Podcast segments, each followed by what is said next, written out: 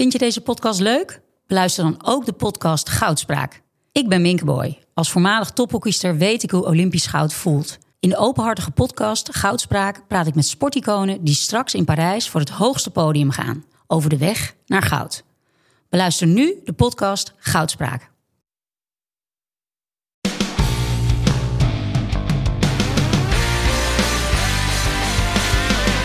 Welkom bij mijn Drive Podcast, waarin ik, Mark Tuitert, op zoek ga naar de drijfveren van allerlei inspirerende mensen. Van atleten, ondernemers, wetenschappers tot artiesten.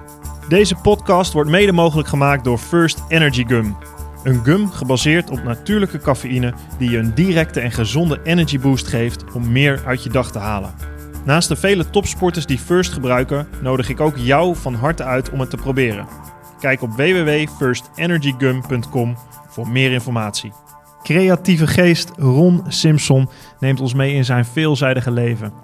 Van het bijzondere liefdesverhaal over zijn ouders tot aan de lessen over hoe je een idee van concept naar uitvoering brengt.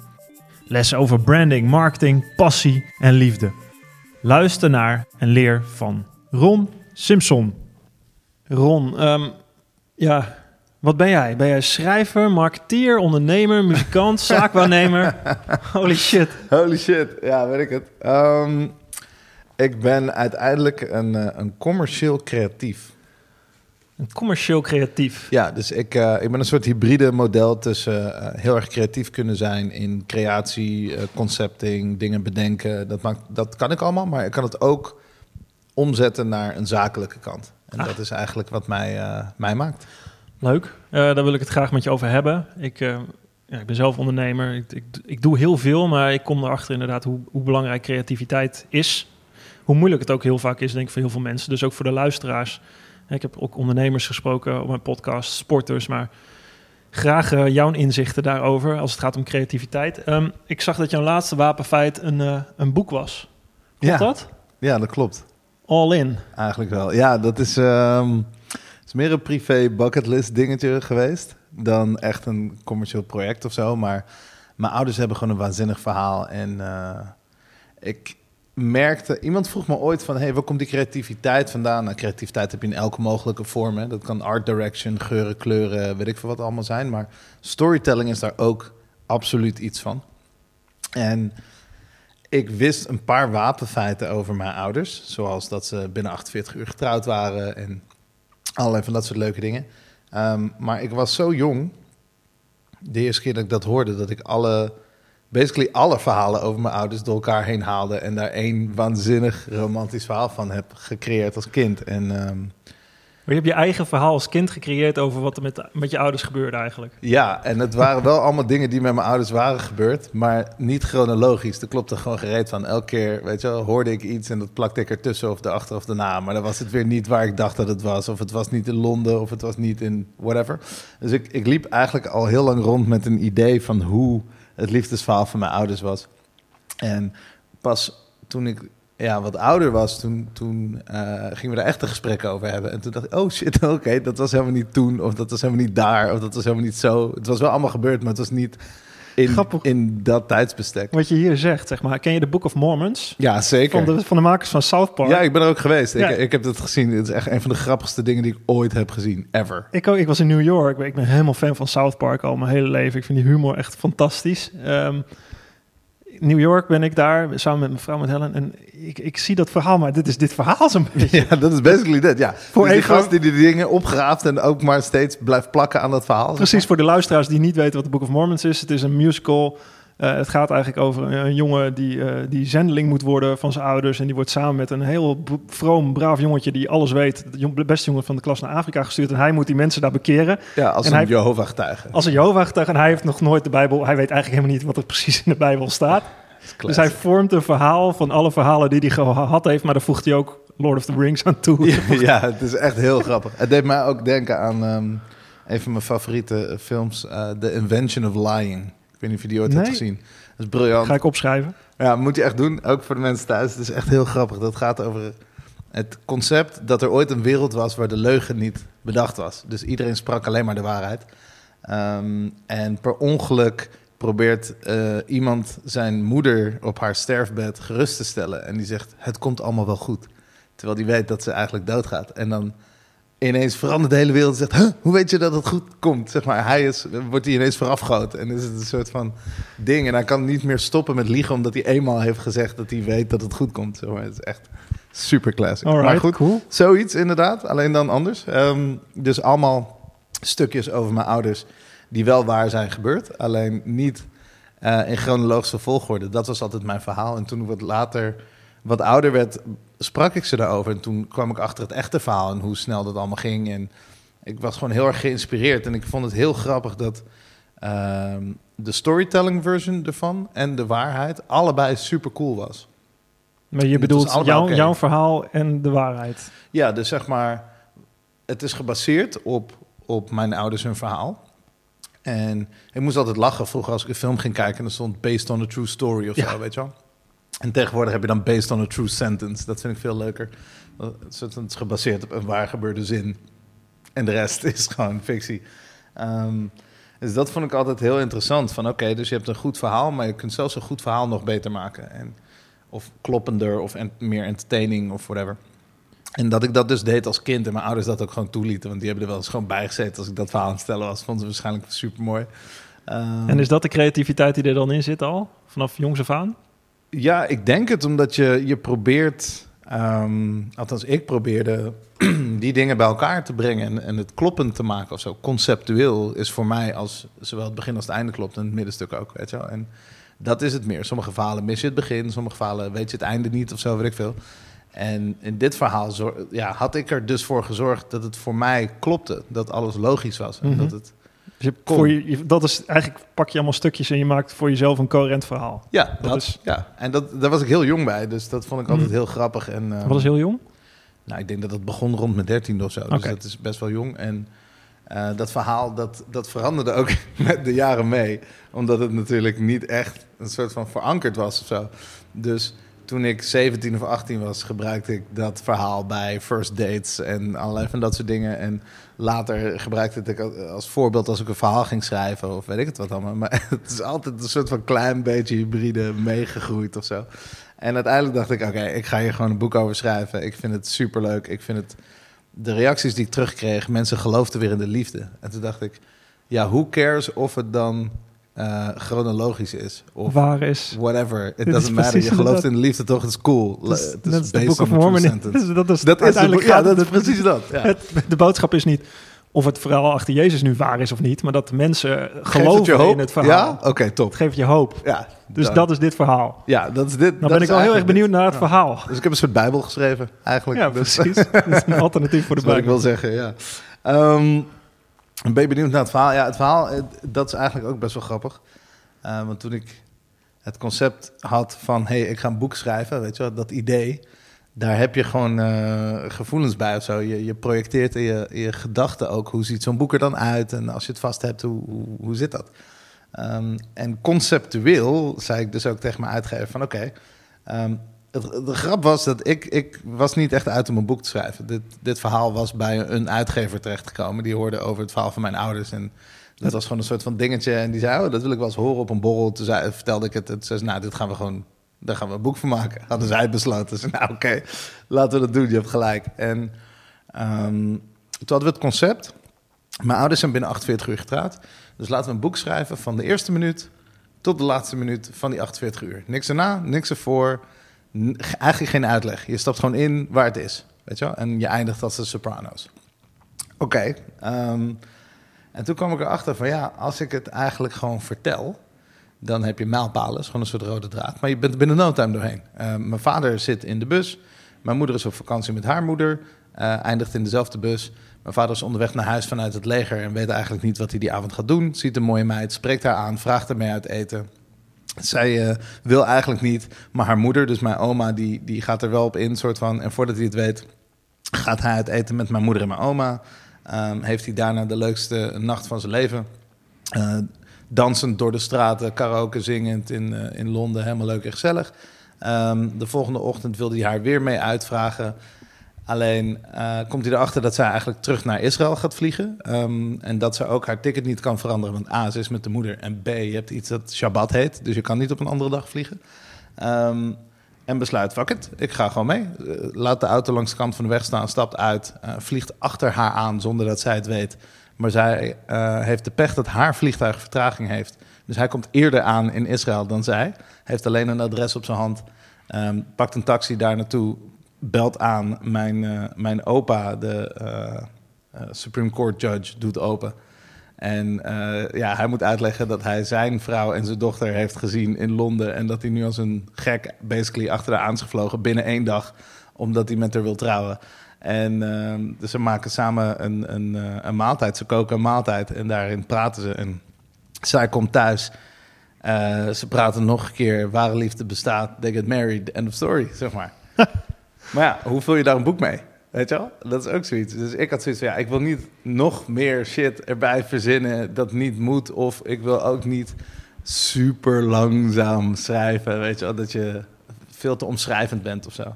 En ik heb geluk gehad dat eh, James Worthy, die ik fantastisch vind, vind ik echt een van de leukste schrijvers op aarde. En die, eh, die wilde mij helpen met de dialogen. Dus dat was heel cool, want die had ik niet. Het, Hmm. Ze zijn al 44 jaar getrouwd zo.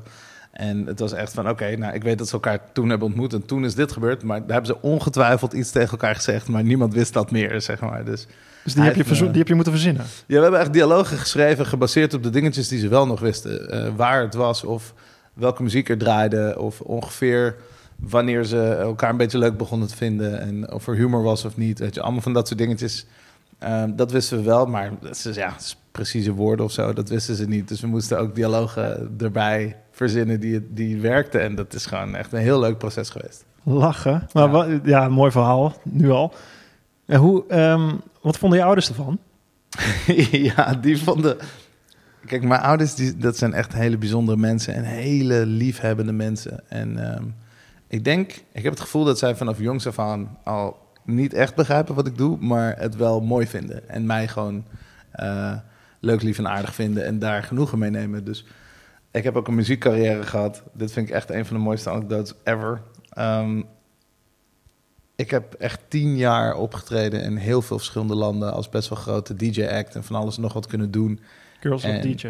Girls Love DJ's ook, maar ik, Ja. ook, weet je, de legendary face DJ Ruud. Ehm, Ja. Maar ook echt met hele grote jongens van, weet je, Martin Garrix, Don Diablo, noem het allemaal maar op. Daar mocht ik mee eh MC'en, dus dat was echt heel erg tof vroeger. En dat ging gewoon goed. Alleen, het is moeilijk uit te leggen aan je moeder. Want mijn moeder had zoiets van, jij, ben jij muzikaal? Nee, niet echt. Ja, je speelt geen instrument. Ja, dat hoeft ook niet. Maar je kan helemaal niet DJ. Ja, dat doe ik ook niet. Dus het is een soort van...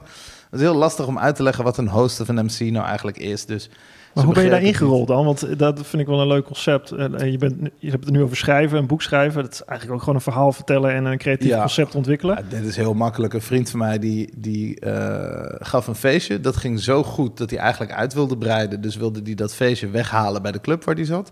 En de eigenaar raakte in paniek, want dat was eigenlijk het enige feestje dat goed liep. En die bood hem ineens uit het niets de helft van die club aan. Dus die zei, nee, je blijft hier en dat feest ook. En dan ga je ook alle andere dagen programmeren. Maar dan krijg je wel de helft van de club. En toen waren we ook best wel jong, waren we echt begin twintig, zeg maar. En En wat deed je? Zat je op school? Of deed ik je zat gewoon op school, ja. Ik, school? Ik, ik studeerde toen volgens mij nog mode of small business. Eén van de twee. Of ik zat er net tussenin. Weet ik niet meer. Eén Ja, van ja. de twee. En, ehm, en dat was best wel grappig. En hij, hij kwam echt uit de house muziek. En hij zei tegen mij... Hey, jij, jij snapt dat hip-hop spelletje heel goed.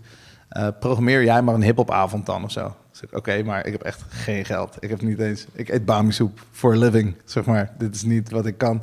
Toen ja, regel het maar. Je hebt wel vrienden. Toen oké. dus toen had ik allemaal vriendjes die inderdaad super goed konden draaien. En later ook allemaal supersterren werden. Classic. Ehm, die stonden daar dan te draaien. Maar er, was, er miste nog iemand die de hele avond aan elkaar lulde. En ik had gewoon geen geld. Dus ik, waar is die microfoon? I'll do it. Mijn vader is toch Engels. Prima.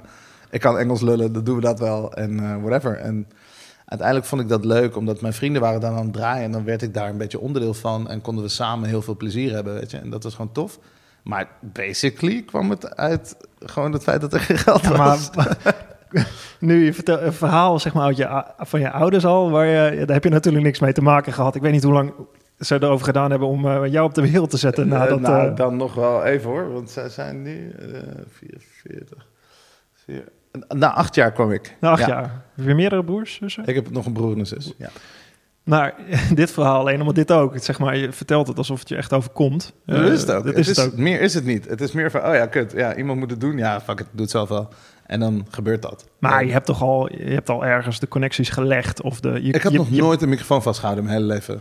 Het, het- dat was het niet. Alleen ik had zoiets van, ja, ik kan meerappen als er een liedje aanstaat. Hoe moeilijk kan het dan zijn? Weet je, ik heb geen vrees om te, te spreken in het openbaar. Ik vind Nee. mensen niet eng. Ik vind Maar je had dan ook geweldig. connecties met DJ's of met vrienden? Of ja, maar dat waren gewoon mijn, mijn, mensen. maten, dat was ja. echt mijn, mijn vrienden waren dat. Ja. Die, want die, nogmaals, er was geen geld. Dus ook niet om te komen draaien. Het was meer van, hey, ik vind, ik vind dit leuk. We krijgen een kans om onze eigen avond te doen in een, in een vette club. Mhm.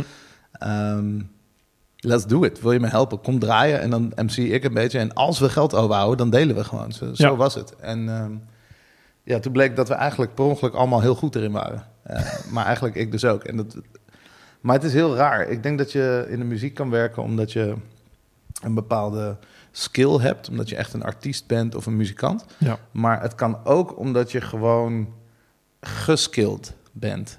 En eh, dat had ik. Dus ik was goed met woorden en ik was goed met verhalen en ik was goed met mensen en sociaal zijn en, ehm, en met muziek. En ik heb een soort van. Sommige mensen hebben fotograafs geheugen. Ik heb een geheugen waar ik helemaal niks mee kan behalve eh muzieklyrics onthouden. Ik weet niet waarom. Dat doe ik in één keer en dat werkt. En. ehm, dus dat was voor mij heel makkelijk. Ik, ik begreep de muziek. Ik begreep als een DJ draaide, kon ik heel goed anticiperen wat er aankwam en whatever. Dus het was gewoon cool. En dit was in Utrecht en uh, Girls of DJ's was in Amsterdam. En daar waren Sef en Flexkin en zo, waren daar allemaal soort van de helden van. Maar die werden daar te groot voor. Dus die, die gingen op een gegeven moment toeren en die konden niet meer het gezicht zijn van dat verhaal.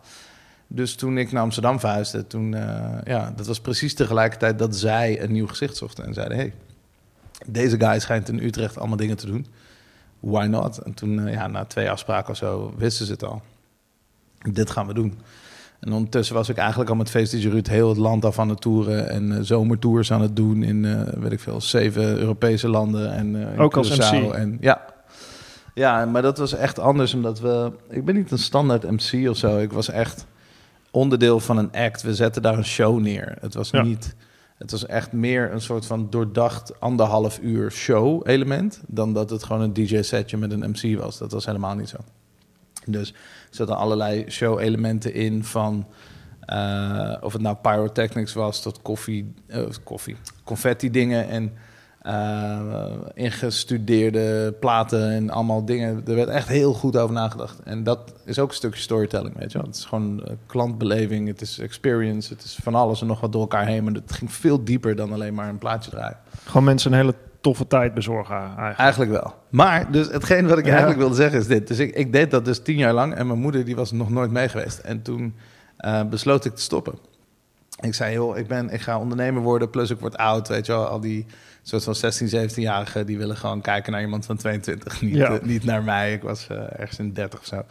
Um, dus ik dacht, ja, ik ga stoppen. En inmiddels hadden we echt hele grote shows gedaan, hele toffe dingen. En een van mijn favorieten was altijd Amsterdam Open Air. Um, dat was gewoon een thuiswedstrijd, allemaal vrienden, allemaal leuke mensen, toffe ondernemers erachter en noem het maar op. En we hadden daar het grootste podium en we, we sloten daar af. Dus dat is een droom, zeg maar, voor heel veel mensen. En wij deden dat jaren, jaar op jaar op jaar op jaar. En mijn laatste show zou dat zijn. Dus oké, okay, dit gaan we doen. Dit is het einde in Amsterdam. Vetste set van het jaar, let's go. Mama, kom even langs. Mama, kom even langs. En uh, ik nodig mijn ouders uit. En ik moest al lachen, want ik vroeg aan mijn moeder... Mam, wil je mijn laatste show zien? Zei ze, ja, is goed. Waar is het? Toen ik Amsterdam Open Air. Toen zei ze, oh, kan je wel aan kaartjes komen dan? Want ik zie op Facebook dat mensen heel veel kaartjes zoeken. Toen ik, uh, ja, ik denk wel dat ik aan een kaartje kan komen, mam. Ik denk dat het wel oké okay is. We zaten in de organisatie, het sloeg echt helemaal nergens op. Zo, zo weinig wisten ervan, zeg maar. Mm -hmm. En um, een week voor het evenement of zo sms'en ze me... Uh, dit, dit gaat om een muziekfestival met 40.000 man, weet je, je kent het wel. En zij sms me, uh, hebben we wel goede zitplaatsen dan? Ja, ja. Ik zo, zitplaatsen, really? Weet je wel, je zit op, wat wil je doen, op een grasveld zitten? Mm -hmm. Dus ik zei, nou weet je wat mam, ik ga voor jou ga ik gewoon een zitplek regelen, is cool. Dus ik bel de jongens van productie op en ik zeg, hey, ik heb twee stoelen nodig op het podium. Midden, midden op het podium, gewoon echt, ik weet niet wat daar staat, 10, 15.000 man of zo bij Mainstage. Dat is echt best wel een groot ding. Ik zeg, nou dat gaan we doen. En uh, mijn moeder zegt, nou hoe laat moet je optreden? Ik zeg, nou zo, zo laat en uh, bla bla. En ik had alles gefixt. Dus zou bij de bij de artiesteningang op worden gehaald met zo'n gator, zo'n karretje, weet Ja, je wel, wordt ze dan gebracht. Alles erop ja. en eraan, iedereen. Ik zei, jongens, dit zijn mijn ouders, weet je wel. Ik wil niemand die dronken is in de buurt. Ik wil gewoon regelen het allemaal maar. En eh, nou, het, het wordt steeds later en later en later. Die set komt dichterbij. Ik denk, hè, waarom, is, waarom zijn mijn ouders er nog niet? Het is kind of strange of zo. En echt tien minuten voordat ik op moet, belt ze me ineens. Zegt ze, ja, ik eh, kom niet binnen. Ik zeg, wat? Hoe kom je niet binnen? Ik heb iedereen gebriefd. Ik heb alles en iedereen gezegd hoe het moet. Waarom kom jij niet binnen? Ja, ik sta hier, maar eh, ze zeggen dat er helemaal geen gastlijst is. En mijn naam staat niet op. Ik zo, man, waar ben je? Ik, zei, ik heb je gezegd dat je naar de artiesteningang moet, toch? Nou, stond ze natuurlijk pal voor de voordeur van het ding. Voor degenen die dat niet weten, ehm, de afstand tussen de, de algemene hoofdingang van Amsterdam Open Air en de artiesteningang is bijna drie kilometer. Je moet helemaal om het bos heen. Het is echt gestoord. Dus ik denk, ah nee, we hebben nog maar tien minuten. Ah, wat gaan we doen? Ik zei, nou, ik ga het wel halen. Dus ik spring in zo'n auto en ik laat mezelf daar naartoe rijden. En de hele nachtmerrie begint, omdat ik had zo geregeld dat zij een soort van via een hele veilige sluis direct backstage konden komen. Weet je. Nu moest ik basically bij het afsluiten door het zombievolk heen. En Ja. allemaal dronken en dansende en gezellige mensen, zeg maar, die heel erg aan zijn.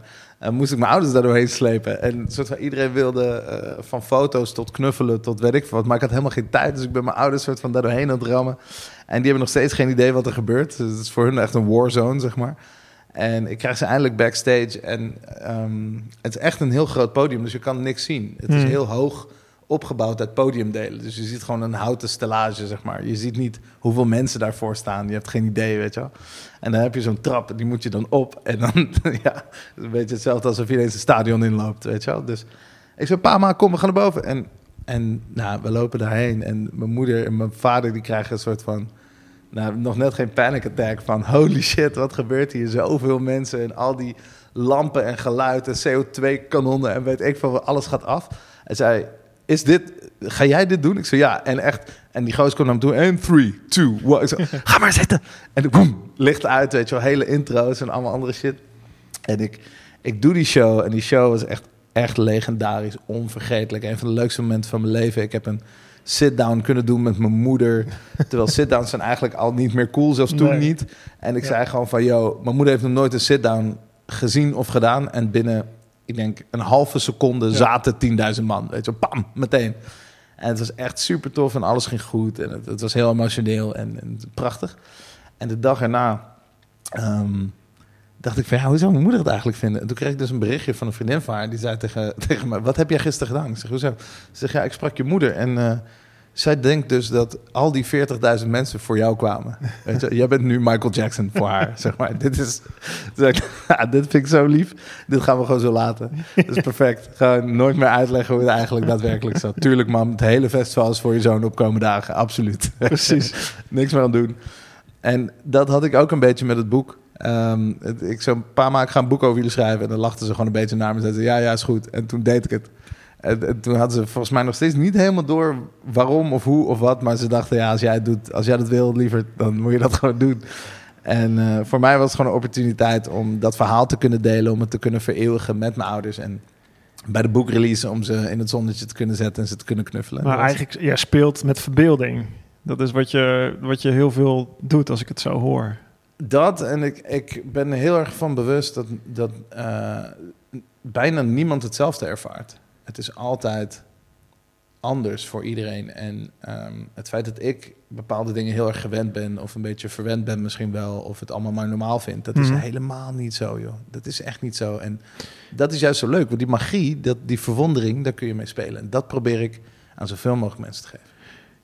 Die verwondering, ja, dat is mooi dat je het zegt. Want ik, heb, ik, kom, ik kom veel ondernemers tegen, veel mensen. Ik, ik geef ook veel presentaties. Ja, nu even niet. Maar, maar je komt heel veel ook gedreven mensen tegen die bezig zijn met het ontwikkelen van een product of van een idee. Maar hoe ze dat naar buiten brengen of in een verhaal gieten, ehm, daar komen ze dan niet uit of zo. Dat is, dat is, hè, is dat, en ik snap dat wel, want het is ook best wel moeilijk. Misschien komt het voor jou natuurlijk. Ehm, Ja, dat Maar- is het gekke. maar wat, wat, zijn de ingrediënten daarin? Wat, wat zou je, Nou kijk, waar zou je moeten letten? Wat ik zo interessant vind is, ehm, ik heb meerdere bedrijven gehad en eh, daarin heb ik ook meerdere compagnons gehad. En het is heel weird. Of het nou liefde is of zaken doen, dat maakt niet zoveel uit. Mensen zeggen altijd opposites attract of Er moet een of andere balans zijn of een soort yin-yang systeem. Er zijn geen regels voor. Je moet gewoon voldoen aan alles wat dat concept nodig heeft. En het is echt niet zo dat jij per se de linkerhelft moet doen en iemand anders de rechterhelft moet doen. Je kunt het ook helemaal zelf doen. Je kunt ook volledig door iemand anders laten doen. Het gaat vooral om het feit dat je het begrijpt. En wat ik zo interessant vind, is dat ik vind bij creatie en creatief denken mag je eigenlijk geen grenzen hebben.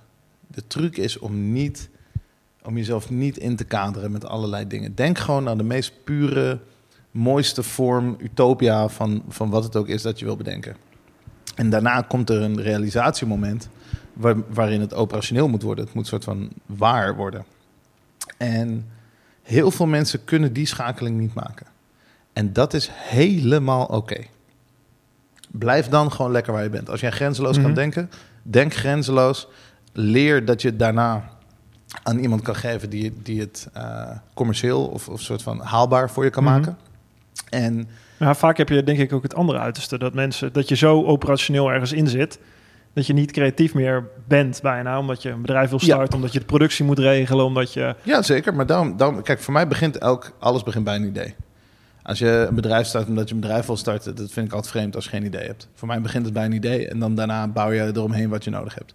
Is dat een bedrijf met 30 man? Doe het. Is dat een, een eenmanszaak? Doe het. Is het, weet, weet ik veel, Mhm. maakt niet uit. Maar als je het idee niet weet, wat ga je dan ondernemen? Het Was dat voor jou de avocado eh, show bijvoorbeeld? Nou, Avocado Show was eigenlijk ehm Julien, mijn compagnon en, eh, en, en co-founder, die naar mij toe kwam eigenlijk precies in dezelfde tijd dat ik het dacht. En we zeiden gewoon tegen elkaar, hey, we willen er nog iets bij doen. Ja, want help me eventjes. Want je, je bent gestopt toen als DJ. Ja. Je, bent, je hebt honderd waarsch- waarschijnlijk andere dingen gedaan. Hoe, hoe, wanneer kwam je op het punt dat je dacht van ik ga Nou, een, eh, een restaurant beginnen ik heb, alleen ik heb ooit één, één baan gehad. Ehm, en dat, toen werkte ik bij Bacardi als marketeer. Ja. En dat begon als eh, brand ambassador. Dat is eigenlijk verhalenverteller voor het merk richting de pers, richting de doelgroep, richting eh, gebruikersgroep. Dus top, ehm, top barmannen en cocktailmannen en, en, en vrouwen uiteraard, maar gewoon dat soort dingen. Ehm, en toen ontdekte ik heel gauw van, hey, dit kan ik ook voor andere merken doen. Dus ik begreep het voor Bacardi, maar Bacardi die heeft meerdere merken. Dus Mhm. toen dacht ik, hey, ik doe dit nu voor vijf, zes merken. Ik kan dit eigenlijk ook voor andere merken gaan doen. Waarom begin ik niet gewoon een agency? Ja. Toen ben ik gestopt, ging ik een agency doen. Daarnaast deed ik altijd muziek. En toen deed ik dat allebei tegelijk. En het was toch best wel slopend. Veel reizen, een nacht doorhalen, noem het allemaal op. Je moest twee verschillende mensen zijn. En toen verkocht ik eh, dat bedrijf en stopte ik als eh, artiest en begon ik een nieuw bureau, nieuwe agency. En die combineerde dat. Dus daarin deed ik eigenlijk creative brand management voor zowel echt merken en producten, ehm, dus gewoon bedrijven, maar ook voor mensen, hun carrières, talenten. Eh, weet je, en daar zat Ahmed Akabi tussen, maar ook Jelmer de Boer en gewoon allerlei hele bijzondere figuren die ik om me heen had Ja. verzameld. eh, Ja, waar ik- Jelmer. Leuk. Mijn mede Nicolas Nassim Taleb fan. Ik ben op zijn podcast geweest ook. ja. Ja, I love Milner, man. Dat is echt mijn boy. En, ehm, en zodoende, maar ik probeerde dat allemaal soort van een beetje bij elkaar te krijgen. En dat Maar wat was jouw idee daarachter dan? Wat, wat, het, Mijn idee was dat, dat mensen eh, dezelfde waardes konden hebben als merken. Dus inmiddels waren er gewoon letterlijk, of je het nou een influencer wil noemen, of een Mhm. BN'er of een talent, maakt niet uit. Die hadden gewoon kanalen, social media of andere dingen, websites, eh, die gewoon net zoveel bereik hadden als RTL 4. Misschien wel meer. Ja. En nul ingericht waren als bedrijf. Gewoon wanneer niet. was dit? Want het is nu Oeh, 2015, I guess. 2015. 2015, nu- 2016. Zo ingebed Ja, natuurlijk. iedereen vindt het nu normaal, Ja. maar dat was helemaal niet zo. Nee. Dus eh, mensen wisten niet hoe ze daarmee om moesten gaan, joh, echt niet. Dus RTL heeft gewoon eh, 16 afdelingen en 100 man. En iemand met meer bereik dan RTL was eens eentje. Dat is toch raar? Ja. Dus toen zei ik van, nou oké, laten we nadenken over je merk. Laten we nadenken over Mhm. je strategie. Laten we nadenken over hoe we geld kunnen verdienen en kunnen monetizen van alles wat je doet. Laten Heb je de een voorbeeld van? Ehm, nou, met Jelmer hebben we een boek geschreven. Met eh, eh, Ahmed hebben we de rechten gekocht van, eh, van meerdere boeken. Hij wilde heel graag eh, producent worden. Dus daar zat onder andere Mokromafia tussen. Maar ook eh, wat kinderboeken en allerlei andere opties. Ehm, we hadden DJ's die eigenlijk alleen geld verdienden met draaien. Maar die konden veel meer dingen doen, joh. Die, die hadden eigenlijk gewoon net zoveel volgers als, als iedereen anders. Dus dan speel je eigenlijk mediabureau...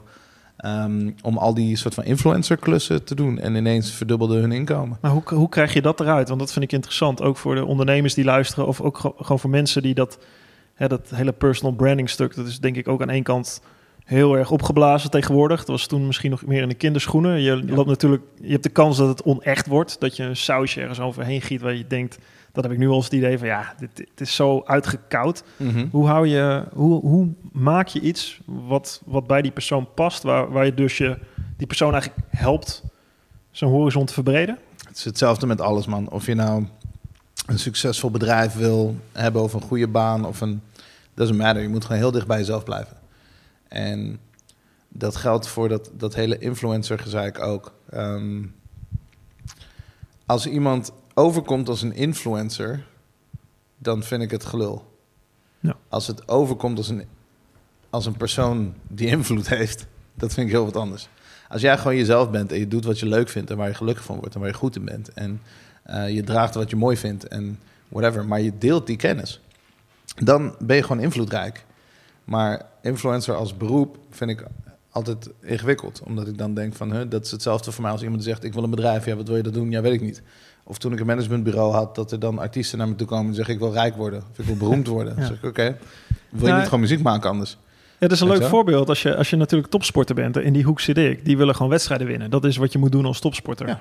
Alleen tegenwoordig heb je daar veel meer eh, bij nodig om dat te kunnen doen. Je hebt een heel commercieel raamwerk bijna nodig om jezelf te kunnen financieren om aan topsport te kunnen doen. En daarvan moet je iets naar buiten brengen.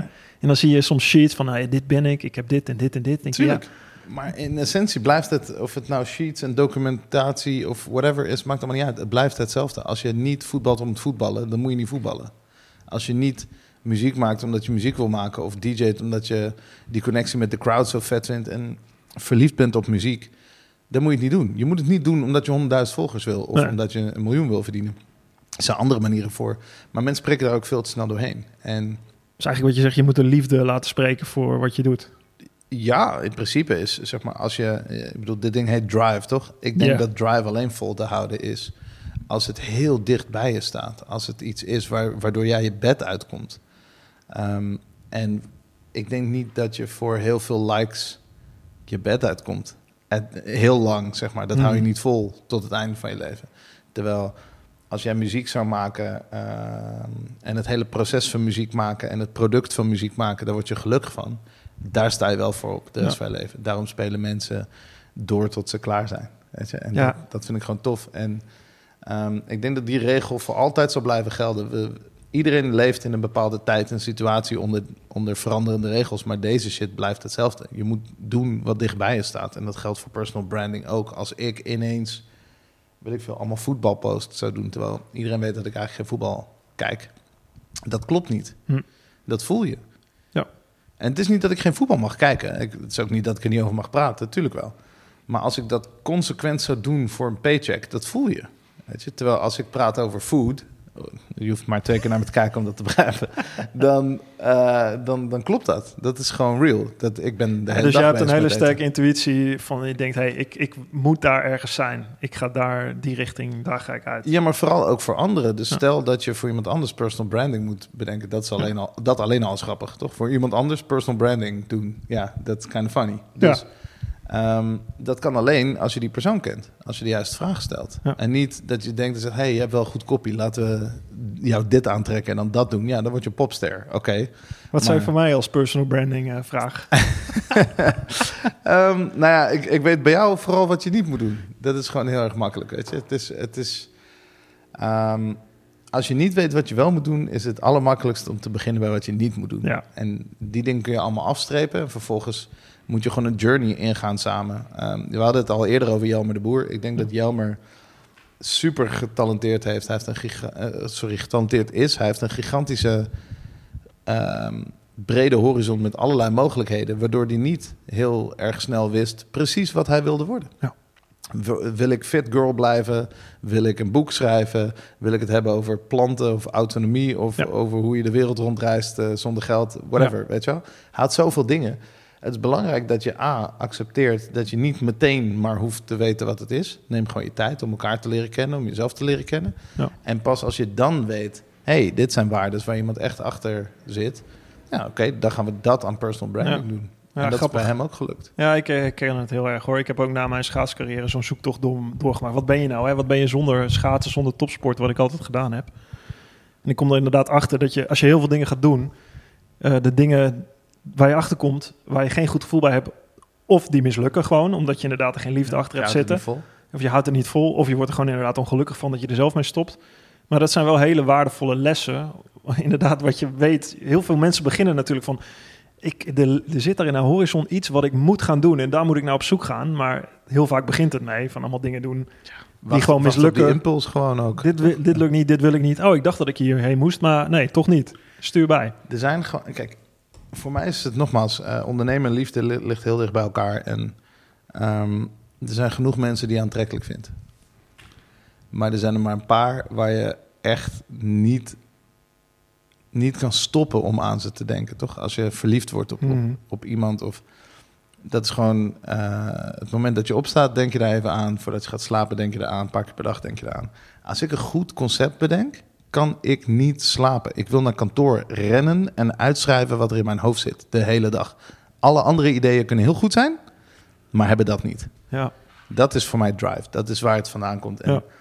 dat gevoel, dat is mijn high. Dat is wat, wat ik chase. Ik wil dat, zeg maar. Ja. En ehm, Ja, ik dat vind ik dat. leuk. En Ik ik, wil dat ook bij anderen. Ik, vind- ik wil Ja. dat als het jou niet lukt, als je wel ongeveer weet waar je naartoe wil, maar je hebt nog niet de formule gevonden voor die ene zin die jij als mantra naar jezelf kan herhalen. Dit ga ik doen, dit wil ik hebben, hier wil ik mee trouwen, dit is wat ik wil. Ja. Ehm, dan help ik je zoeken. En dat is eigenlijk ook wat er is gebeurd van 24K, eh, mijn creatieve eh, bureau.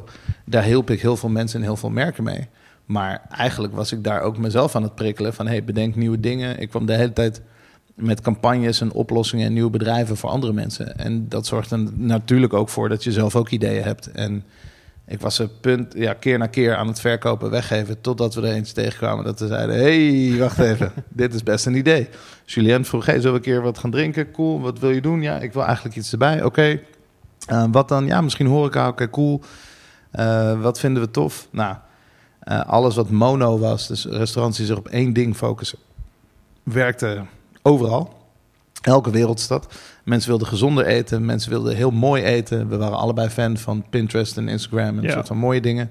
Maar ook eh, heel erg inhoudelijk op de, de trend richting veganisme. Maar in ieder geval meer ehm, voedzamer eten, gezonder eten, beter eten. Dat kan gewoon. Het hoeft niet meteen een extreem te zijn, maar je kunt daar zeker wel stappen in nemen. En dus ja, mooi, inhoudelijk en ehm, fun of zo, beleving, weet je. De- die drie dingen wilden we bij elkaar. En toen dat, kwam toen de avocado uit. Toen dachten we, ja, eh, laten we dat maar doen dan. Ja, dat is zo'n goed idee. Ja, want hoe kwam je erachter? Volgens mij heb je dat wel eens verteld ergens. Dat je, dat je een soort Instagram search deed. Of dat je, dat je dacht, hey, je, had, je had het idee, maar je, je hebt, dat, heb je niet, dat heb je niet aan een traditioneel marktonderzoek Oh, onderzoek ja, nee, gegeven, ik, ik ben veel te, veel te rood-oranje om blauwe dingen te doen. Ik vond, Heb je nog één? Ja, marktonderzoek, jongen, dat oh, breekt me de bek niet op. Het is super handig natuurlijk en je kunt heel veel analyses halen uit data, maar we blijven mensen, weet je. Je Mm. moet het gewoon voelen ook. En eh, ik dacht gewoon, nou, volgens mij kan ik avocado, het concept, gewoon bewijzen met mijn telefoon. Ik heb helemaal niks en niemand nodig. Ik pakte mijn telefoon, ik ging gewoon kijken op hashtag avocado, hashtag avocado is live. Ook Avocado is live, Instagram, boom, Ja, allemaal van dat soort dingen. We hebben het echt over, weet je, s- 8 miljoen hashtags of zo. 8 miljoen foto's alleen al, van alleen dat. Ja, avocado is ook de... de Het hoe is- zeg je dat? Is het de, is de poster child van gezond eten. het is de zo poster zeg je child het van millennials ook. Dus er gebeurde wat en we, de we avocado is dat. de posterchild van millennials. Heerlijk. Ja, Ja, dat is het Ja. toch? Ja.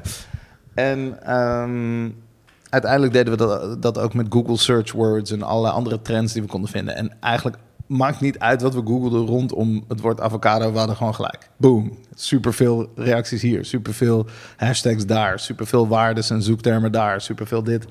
En het was gewoon een, eh, eh, ja, een multimiljarden industrie. En 300 miljoen plus mensen eten dat wereldwijd elke dag.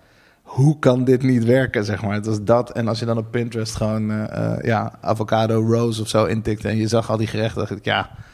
Ik, vind, ik vond het namelijk ergens inspirerend en tegelijkertijd bloedirritant. Ik vond het zo vervelend dat ik allemaal dingen aan het liken was online die ik niet kon kopen.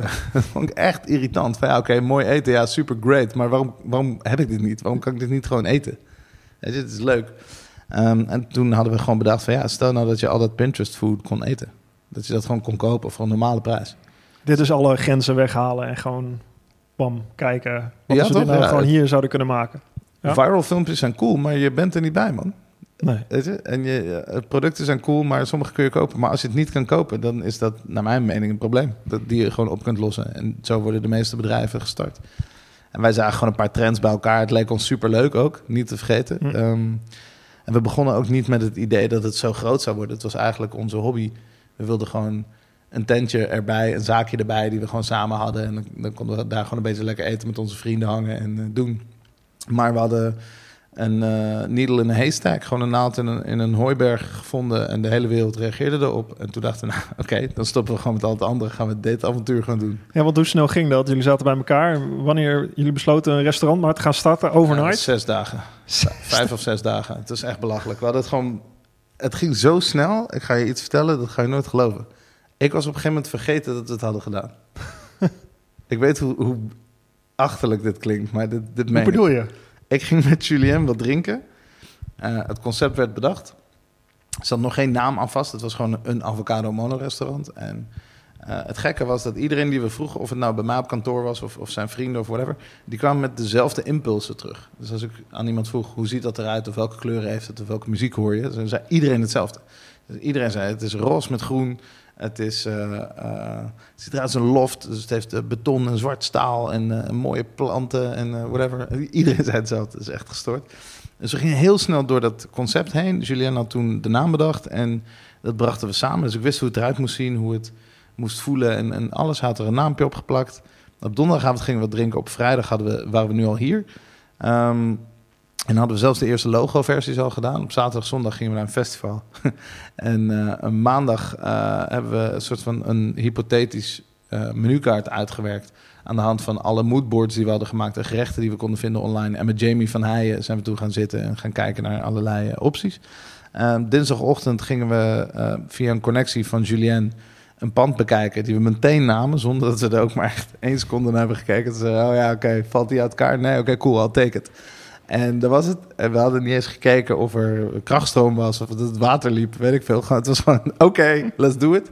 Stonden we ineens buiten met een sleutel in mijn hand. En toen... ehm, maar dat voelde gewoon als een lang weekend. Het was ook basically een lang weekend. En toen ging ik dus terug naar mijn kantoor, waar ik dus een creatief bureau had. En ineens ehm, pakte ik gewoon mijn oude leventje weer op.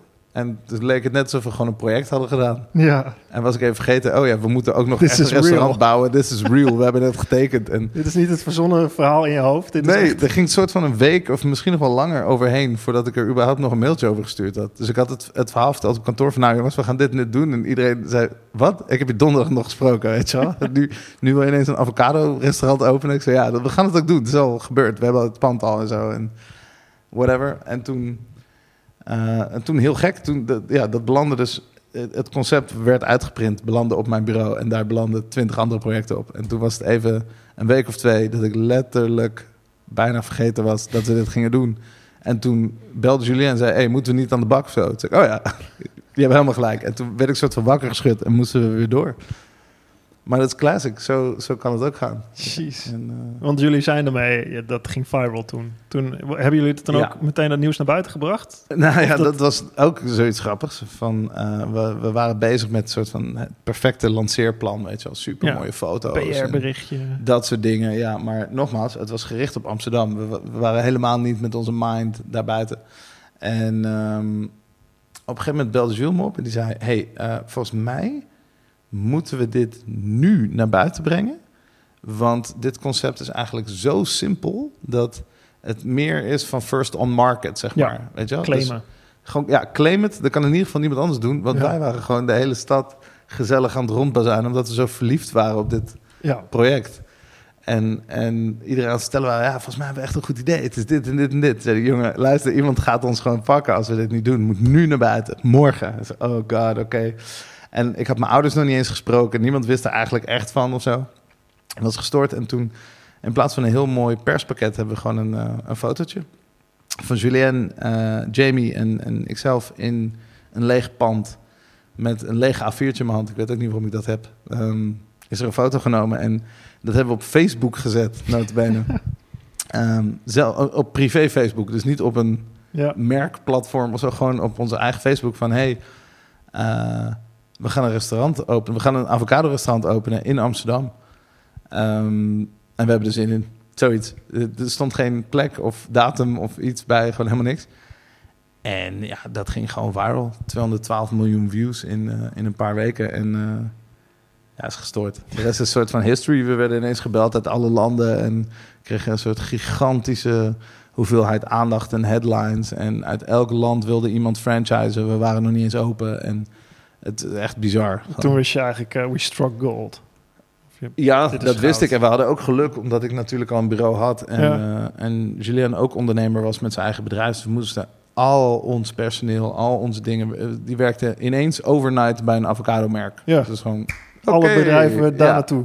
Ja, want operationeel eh, moet je dan wel eens gaan opzetten. Ja, en we kregen gewoon eh 300 berichten per dag. Zo, telefo- van telefoontjes tot serieuze e-mails. En, alles, dat kun je helemaal niet verwerken. joh. Dus dat was Nee, en je moest nog een eh, restaurant in de tussentijd bouwen. dat. En ik had ook nog een bedrijf dat door moest lopen. Ik kan het zeggen. Eh, dus het was, weet je wel, ik was eh, Red Bull marketing aan het doen en allemaal vet, ook hele vette dingen. Dus het was soort van, ah, oké, wat gaan we allemaal doen? En toen kwamen we in een soort van gestoorde rush terecht en dat was gewoon heel vet. Dus we hebben dat allemaal on the side nog gedaan. Ik was ja, de ene dag letterlijk nog met muziek bezig. De andere dag was ik een marketingbureau aan het runnen. De derde dag was ik de manager van Ahmed Akabi. De vierde dag was ik een avocado-restaurant aan het bouwen. En de vijfde dag was ik... eh, Het sloeg echt helemaal nergens op. En mooi, mooie tijden waren dat. Echt heel leuk. Maar hoe hoe, kom je, hoe kom jij daarin verzeild, zeg maar? Wat is het in jou dat jij daar in die dingen verzeild komt? Want dit zijn unieke verhalen achter elkaar allemaal. Ja, eh, ik, eh, ik denk dat het bij mij is... En dat, daar moest ik altijd om lachen, vroeger als kind ook. Ehm, iedereen die ik ken, die, die, die een soort creatief idee heeft... die was altijd bang dat het gejat werd. Toch, dat was toch een soort van ding van... ja, je mag dit aan niemand vertellen, Ja. want... Weet je wel? En, en ik, ik begreep dat nooit. Eh, en de reden dat ik dat niet begreep... is omdat ik zes van die dingen op een dag had. Dus ik, ik denk dat bij mij creativiteit input... Dus de, de, en eigenlijk ook de output trouwens... maar de, de impuls en de gedachtegoed is zo aanwezig dat ik nooit bang ben geweest dat iets mijn levensidee is. Ik heb gewoon zoiets van, joh, als ik, als ik er vandaag geen verzin, heb ik er morgen twee.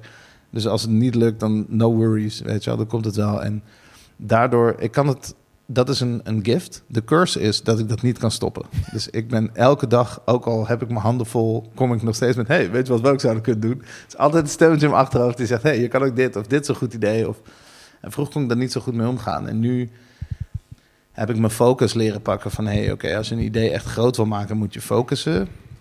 Maar je wil die ideeën niet kwijtraken. En ik heb voor mezelf een soort eh eh, stramien gemaakt... waarbij ik een, document invul dat alles opschrijft van het concept... zodat ik altijd terug kan komen naar de zone waarin ik zat met mijn gedachten. En in het begin schreef ik dat alleen maar op... en later merkte ik van... hé, hey, ik ken heel veel mensen die operationeel sterk zijn... maar dus geen goed idee hebben. Wat Ja. nou als ik die ideeën ga verkopen? Ja. Ja, dat ging als een tierenleer. Ehm, en dat maakt het super interessant. Want ik had, zoals ik zei, ik ben de creatief, dus ik kan het helemaal rondmaken. Maar Ja. ik ben ook commercieel, dus ik kan het ook helemaal uitbedenken. Een soort one-stop shop. Ik snap PR, ik snap marketing, ik snap branding, ik snap art direction en design, ik snap businessmodellen. Ik weet je wel. Ik ben niet overal mega goed in. Er zijn experts in, maar Je hebt alleen misschien, zeg ik het goed, iemand nodig die het operationeel daadwerkelijk uit gaat voeren. Want het nadeel lijkt me dat je, als je morgen weer een idee hebt, inderdaad, dat je nooit tot uitvoering komt Ja, of tot maar- afmaken. Als jij een externe eh, ondernemer bent, Ja. dan zul je uiteindelijk iemand hebben voor je financials en iemand hebben voor dit en dat en zo. Maar als je nul idee hebt, dan moet je eerst langs een ideeënbureau en daarna langs een reclamebureau en daarna langs een PR-bureau en daarna langs, weet je wel, ja, dat kost eh, heel veel geld, geld, maar ja. ook heel veel tijd. Ja. Dus iemand die de core van een heel concept tot in de puntjes uitgewerkt aan jou kan verkopen. En jou in, eigenlijk basically een briefing geeft voor al die partijen tegelijk. En, het, en de big idea al.